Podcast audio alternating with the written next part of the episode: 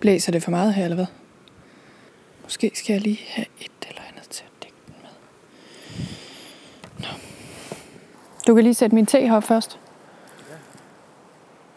Der, er- der er et hegn der, pas på.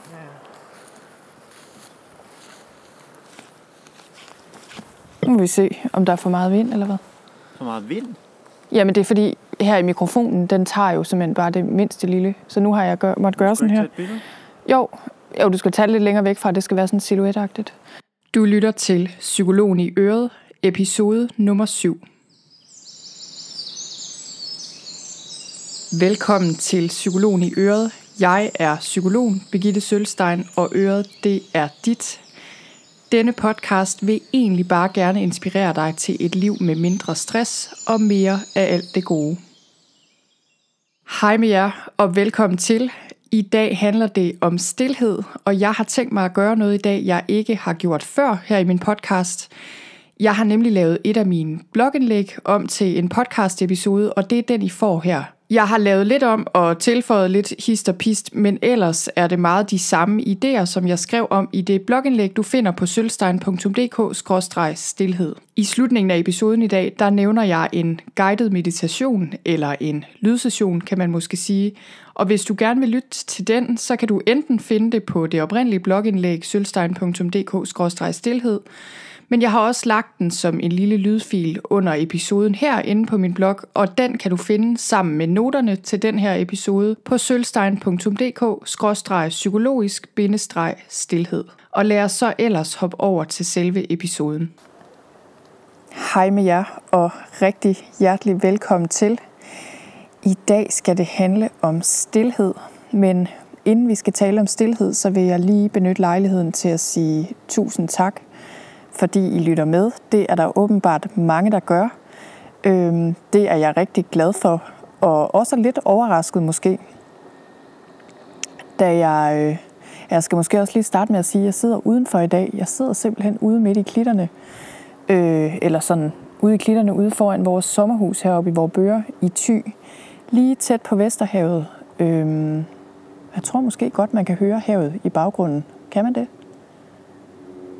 Og det man så måske også kan høre, det er en knallert, der lige kørt forbi nede på en grusvej hernede. Øh, nå, men øh, det er faktisk aften. Solen er nærmest gået ned, og månen er kommet frem. Det er ved at være mørkt. Og det er faktisk et rigtig godt sted, synes jeg, øh, at sidde på her på min bænk i klitterne og tale om stillhed. Men det, jeg lige ville sige først, det var, øh, ja, tusind tak, fordi I lytter med. Og øh, da jeg fik ideen til den her podcast, det gjorde jeg egentlig lidt, fordi der var en del, der efterspurgte, at jeg lavede min blogindlæg på lyd. Fordi øh, der måske var nogen, der bare havde mere lyst til at lytte til dem, men også fordi nogle af, nogle af dem, der lytter med øh, eller læser med på mine blogindlæg, jo er ramt af stress. Og der kan det altså være svært lige at kapere et mega langt blogindlæg. øh, så jeg kan godt forstå, at I gerne vil have dem på lyd. Og, øh, og først så tænker jeg, nej, jeg har, ikke, jeg har ikke tid til at lave alle mine blogindlæg på lyd, og det har jeg egentlig heller ikke. Men, øh, men samtidig havde jeg så haft lyst til at lave en, blog, en øh, podcast. Og da der så var tilstrækkeligt mange, der havde spurgt mig om det her med lyd, øh, og jeg fik tilstrækkeligt meget lyst til at lave en podcast, så besluttede jeg mig for at lave en podcast. Og det er jeg så i gang med. Jeg har besluttet mig for at lave 10 episoder eller noget i den her stil, for ligesom at se, hvordan det gik. Og jeg tænkte, nu prøver jeg det, og det kan godt være, at der ikke er en sjæl næsten, der lytter til dem, men det er lige meget, fordi det bliver sjovt at prøve at lave en podcast. Og det er sjovt at lave en podcast. Det viser sig så, at der er mange, der lytter til podcasten her, og det øh, er jeg bare rigtig glad for. Og jeg håber selvfølgelig, at I hører noget derude, I kan bruge til noget. I dag handler det som sagt om stillhed, og jeg har tænkt mig at gøre noget i dag, som jeg ikke har gjort før her i min podcast. Jeg har nemlig lavet et af mine blogindlæg om til en podcast-episode, og det er altså den, I får her. Jeg har tilføjet noget, men ellers er det de samme idéer, som jeg skrev om i det blogindlæg, du finder på sølvstein.dk-stilhed. Jeg har besluttet mig for at sidde udenfor at lave den her podcast-episode, fordi naturen er det bedste sted, jeg selv kender, når jeg skal finde stillhed. Ikke at der lige frem er helt stille lige her, øh, synes jeg lige nu. Og ikke at der lige frem er helt stille i naturen generelt. Det er der jo faktisk overhovedet ikke. Øh, tit er der lyde af, af fugle eller andet, men i skoven og, øh, og ved havet og alle mulige steder i naturen, der er der en anden slags stillhed, synes jeg, som er sådan mere grundlæggende, øh, som ikke er så meget en lydmæssig stillhed, men mere er en form for fred, vil jeg sige. Jeg er taget til Thy igen, øh, det vil sige, at vi er taget til Thy. Jeg har også min familie med. Jeg øh, er på sådan en slags workation, som man kalder det, hvor jeg skal arbejde en del af tiden i Klitmøller, hvor jeg har fundet det her alle tiders co-work space, et lille kontorfællesskab tæt på havet. Øhm, og imens jeg arbejder, så er min mand og mine børn i sommerhus heroppe og holder sådan en lille ekstra sommerferie. Og så holder jeg også et par dage med dem senere på ugen. Jeg har skrevet og taler nu om stillhed, fordi stillhed er vigtigere, end man tror. Det er både stillhed som i fraværet af yderstøj, men især også indre stillhed selvfølgelig, eller det man kunne kalde psykologisk stillhed. Lige nu er jeg i gang med at læse en bog om Jungs syn på naturen, altså Carl Gustav Jung, som var østrisk psykiater. Han øh, levede på samme tid som Freud, og hans tanker har haft en rigtig stor indflydelse på psykologien og på mange andre områder faktisk. Og øhm, i et af de breve, jeg har læst af ham, der skriver han også om stillhed. For det første så brokker han sig over, at børn og unge på det tidspunkt, det vil altså sige i 1957 i Østrig, ikke kunne koncentrere sig længere, fordi det blev afledt af alt muligt. Det var både støj fra radioen og fjernsynet og gramofonafspillere. Og man må sige, det problem er jo blevet lidt større siden da, så han var nok blevet rimelig chokeret, hvis han havde levet i dag i virkeligheden. Øhm, Jung skriver i sit brev, Støj er ikke bare forstyrrende eller skadeligt. Vi vil nødig indrømme det, og vi forstår det måske ikke, men vi bruger støjen som et middel til et mål. Vi prøver at dæmpe den frygt, vi har, som er velbegrundet. Hvis det var stillhed, ville folks frygt få dem til at reflektere, og det er ikke til at vide, hvad man så ville blive bevidst om. De fleste mennesker er bange for stillhed, og derfor, hvis snakken til en fest pludselig stopper, føler vi os tvunget til at sige noget, gøre noget, begynde at rumstere, fløjte, nynne eller viske. Behovet for støj er nærmest umætteligt, selvom støjen nogle gange næsten bliver ubærlig. Men stadig, støj er bedre end ingenting. Dødstille, en sigende frase. Den virker uhyggelig. Hvorfor? På grund af spøgelser, der kommer gående? Næppe.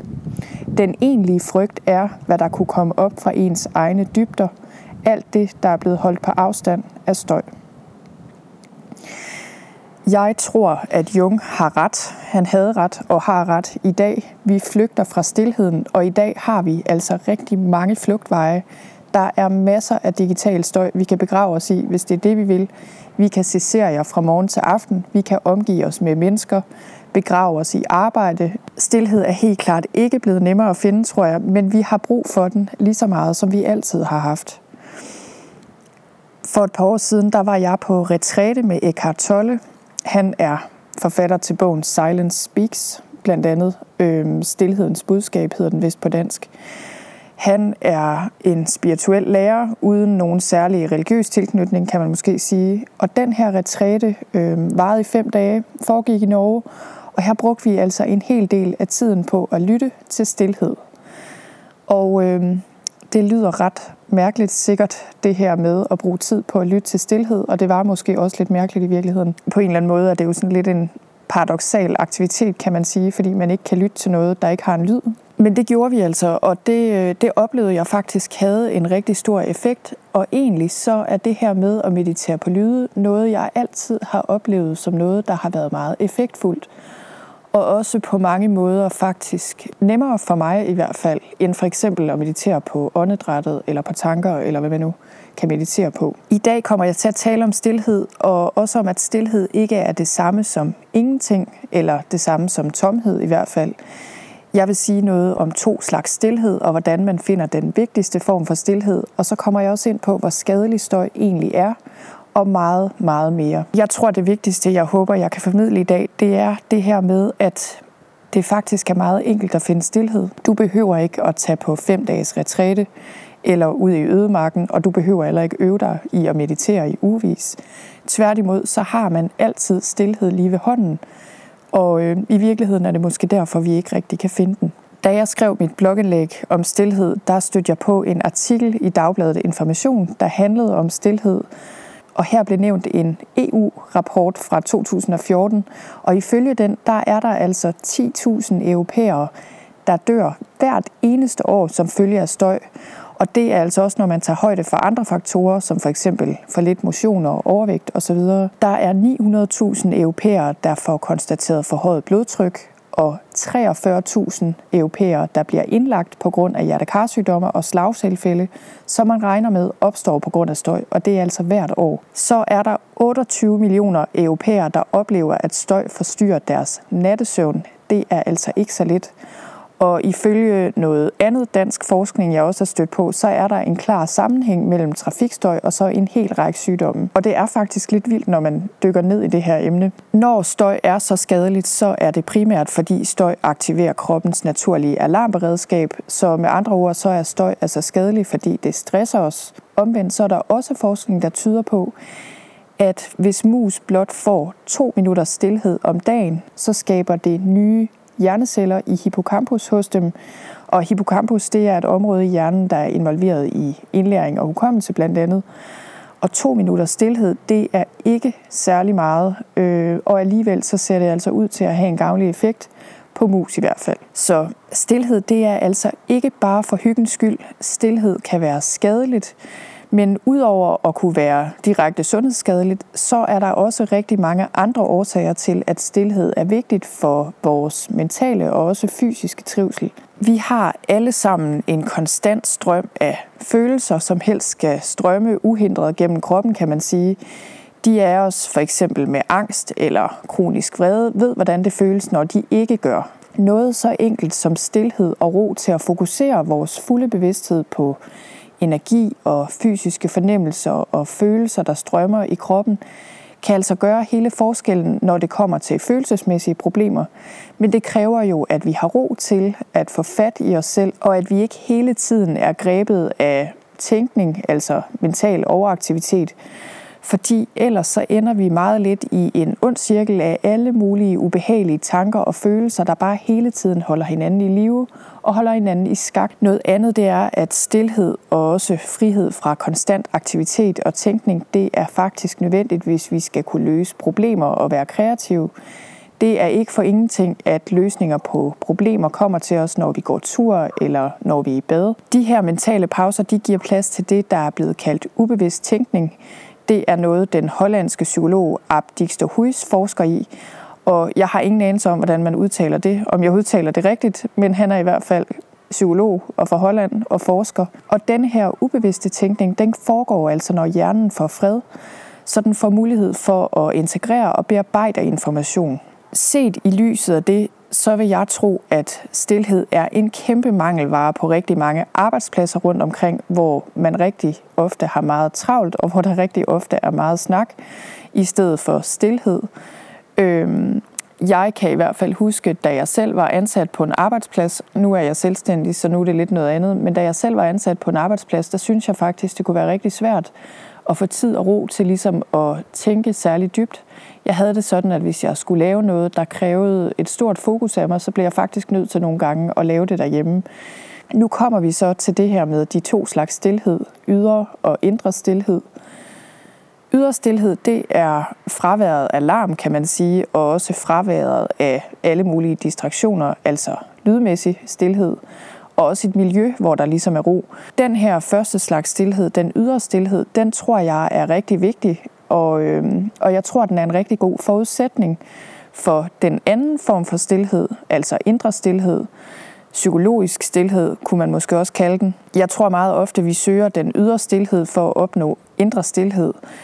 Og man kan sige, at det paradoxale er måske, at når man er i stille omgivelser, så kan det virke som om, at der opstår en enorm indre uro og enorm meget indre støj. Det kan du måske selv genkende, hvis du har været på retræte, hvor I skulle være stille, eller måske endda bare prøve, har prøvet at meditere øh, og har lukket øjnene, og pludselig virker det bare som om tankerne drøner rundt. Og det er jo ikke, fordi der nødvendigvis pludselig kommer helt vildt meget uro eller mange tanker, det er jo nok nærmere, fordi man lige pludselig bliver opmærksom på det. Jeg tror faktisk, for rigtig mange mennesker øh, kan det være ret skræmmende pludselig at have ydre stillhed, fordi man netop kan mærke, hvordan man har det indeni. Og på den måde kan det være ret skræmmende ikke længere at have noget, der ligesom afleder os fra os selv. Og derfor tror jeg også, at mange af os ligesom skal igennem et lag af mental uro og indre støj, før man når frem til den egentlige stillhed. Sådan oplever jeg det i hvert fald selv når jeg søger stillhed, for eksempel når vi kommer herop til Thy, så kan der altså godt lige gå lidt tid. Det er ikke altid sådan, at øh, jeg bare stiger ud af bilen, og så har jeg bare totalt indre ro, bare fordi jeg pludselig befinder mig i storslået natur. Der kan altså gå lidt tid, og det er ligesom om, der er øh, noget uro og nogle tanker, der sådan lige skal, skal ligge sig og falde til ro. Så hvad er indre stillhed egentlig? Du ved sikkert godt, hvad det er, jeg taler om. Det er sådan en slags der er inde i dig, øh, som vi alle sammen har. Det kan være, at du har kontakt med den på daglig basis, men det kan også være, at det er rigtig længe siden, du har fornemmet den her indre stillhed. Jeg tror, at den her indre stillhed øh, er en meget personlig oplevelse. Nogen vil måske kalde det nærvær eller fred, øh, men i bund og grund er det måske umuligt at sætte ord på, hvad det her er. Måske er det nemmeste i virkeligheden at bruge et billede, hvis man skal beskrive den her indre stillhed. Det billede, jeg nogle gange bruger, er det her med at sige, at du skal forestille dig, at du er et hav, og på havets overflade, der er der bølger, og lige under dem er der måske understrøm. Og vejrforholdene, det er jo det, der sker i dit liv, så det er forskelligt, hvordan bølgerne og understrømmen lige er. Man kunne måske sige, at bølgerne og understrømmen er dit sind, dine tanker og dine følelser. Både dem, der ligger lige ved overfladen, og dem, der befinder sig lidt længere nede i dit ubevidste sind. Endnu længere nede i havet, der er der altid stille, uanset hvordan det ellers ser ud på overfladen. Det kunne man kalde ren bevidsthed, indre stillhed, sjælen, whatever. Jeg tror igen, der er mange ord for det, men det er altså det, jeg mener, når jeg siger indre stillhed. Når vi har adgang til den her dybere stillhed inde i os selv, så øh, er det en stor tryghed ikke alene får vi meget mere ro i os selv og i vores krop, men det her med, at vores indre ro ikke er bundet direkte op på, hvad der tilfældigvis sker i vores liv. Og også det her med, at den indre ro ikke er smeltet sammen med vores tanker og følelser. Det kan give os en stor robusthed, kunne man måske kalde det, og jordforbindelse, og give os en fornemmelse af øh, simpelthen at stå mere sikkert i os selv. Så man kan sige, hvis det er sådan, at det er så godt at finde den her indre stillhed, hvorfor er det så, vi undgår den på den måde? Hvorfor er det så, vi flygter fra den? Og jeg tror virkelig, vi har en eller anden kæmpe kollektiv modstand mod den her stillhed. Vi hylder travlhed her i vores samfund. Vi hylder ydre præstationer. Vi føler os ligesom mere nyttige og mere værd, når vi er i gang med noget og når vi har travlt. Og man kan sige, at det paradoxale er, at for mange af os er det sådan, at jo mere vi fylder vores kalender med alt muligt, og jo mere travlt vi har, jo mere vil vi også føle, der mangler noget, fordi vi simpelthen ikke længere har tid og ro til at fordybe os i noget, og fordi vi ikke har tid og ro til at stoppe op og mærke os selv og mærke den her indre stillhed. Min erfaring er, at meget ofte så stopper vi først op, når vi bliver tvunget til det, fordi vi enten bliver syge af stress, eller der måske sker et eller andet andet voldsomt eller dramatisk i vores liv, som simpelthen tvinger os til at stoppe op, og som også vækker os på en eller anden måde. Derfor tror jeg egentlig også, at øh, hverken jeg som psykolog eller andre kan få dig til at prioritere din indre stillhed, medmindre du føler dig mere eller mindre tvunget til det.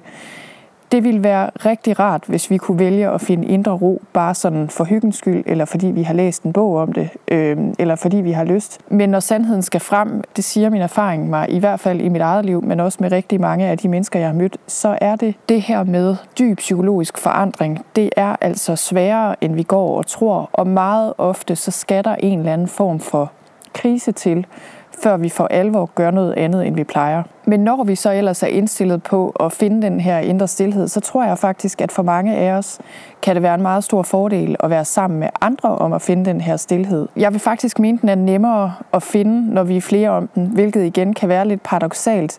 Men du ved måske godt, hvad jeg mener.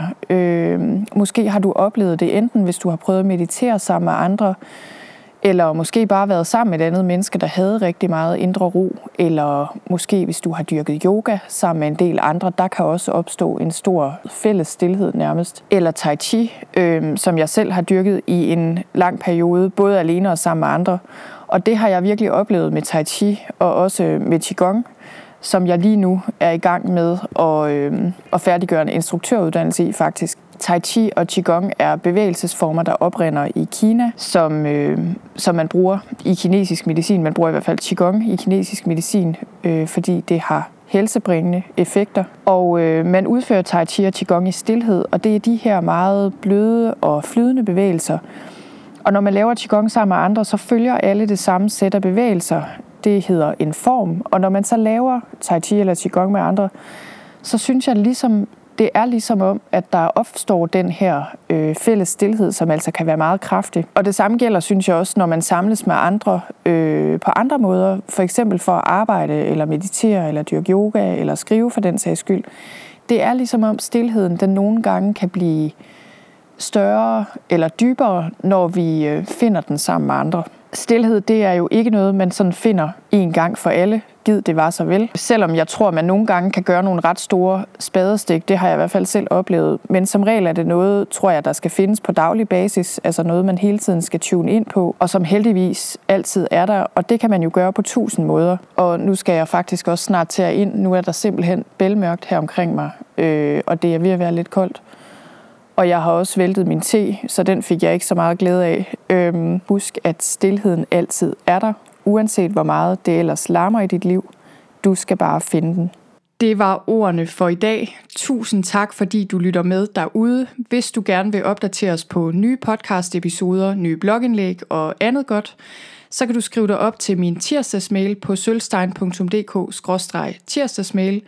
Og du kan selvfølgelig også abonnere på podcasten her, Psykologen i Øret, enten på iTunes eller på Stitcher. Og så her til sidst lige lidt om, hvad du kan glæde dig til i den kommende uge.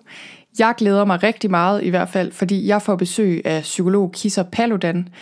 Kisser og jeg, vi kommer til at tale blandt andet om selvværd, om hendes nye bog, Mod til at være dig, og vi kommer også til at tale om, hvorfor øh, og hvordan det kræver mod at være sig selv som psykolog. Kisser, hun er en helt vildt spændende og inspirerende psykolog, synes jeg, og jeg glæder mig rigtig meget til at interviewe hende til min podcast og til at dele det med jer efterfølgende. Og have det så ellers rigtig godt, til vi høres ved igen i den kommende uge.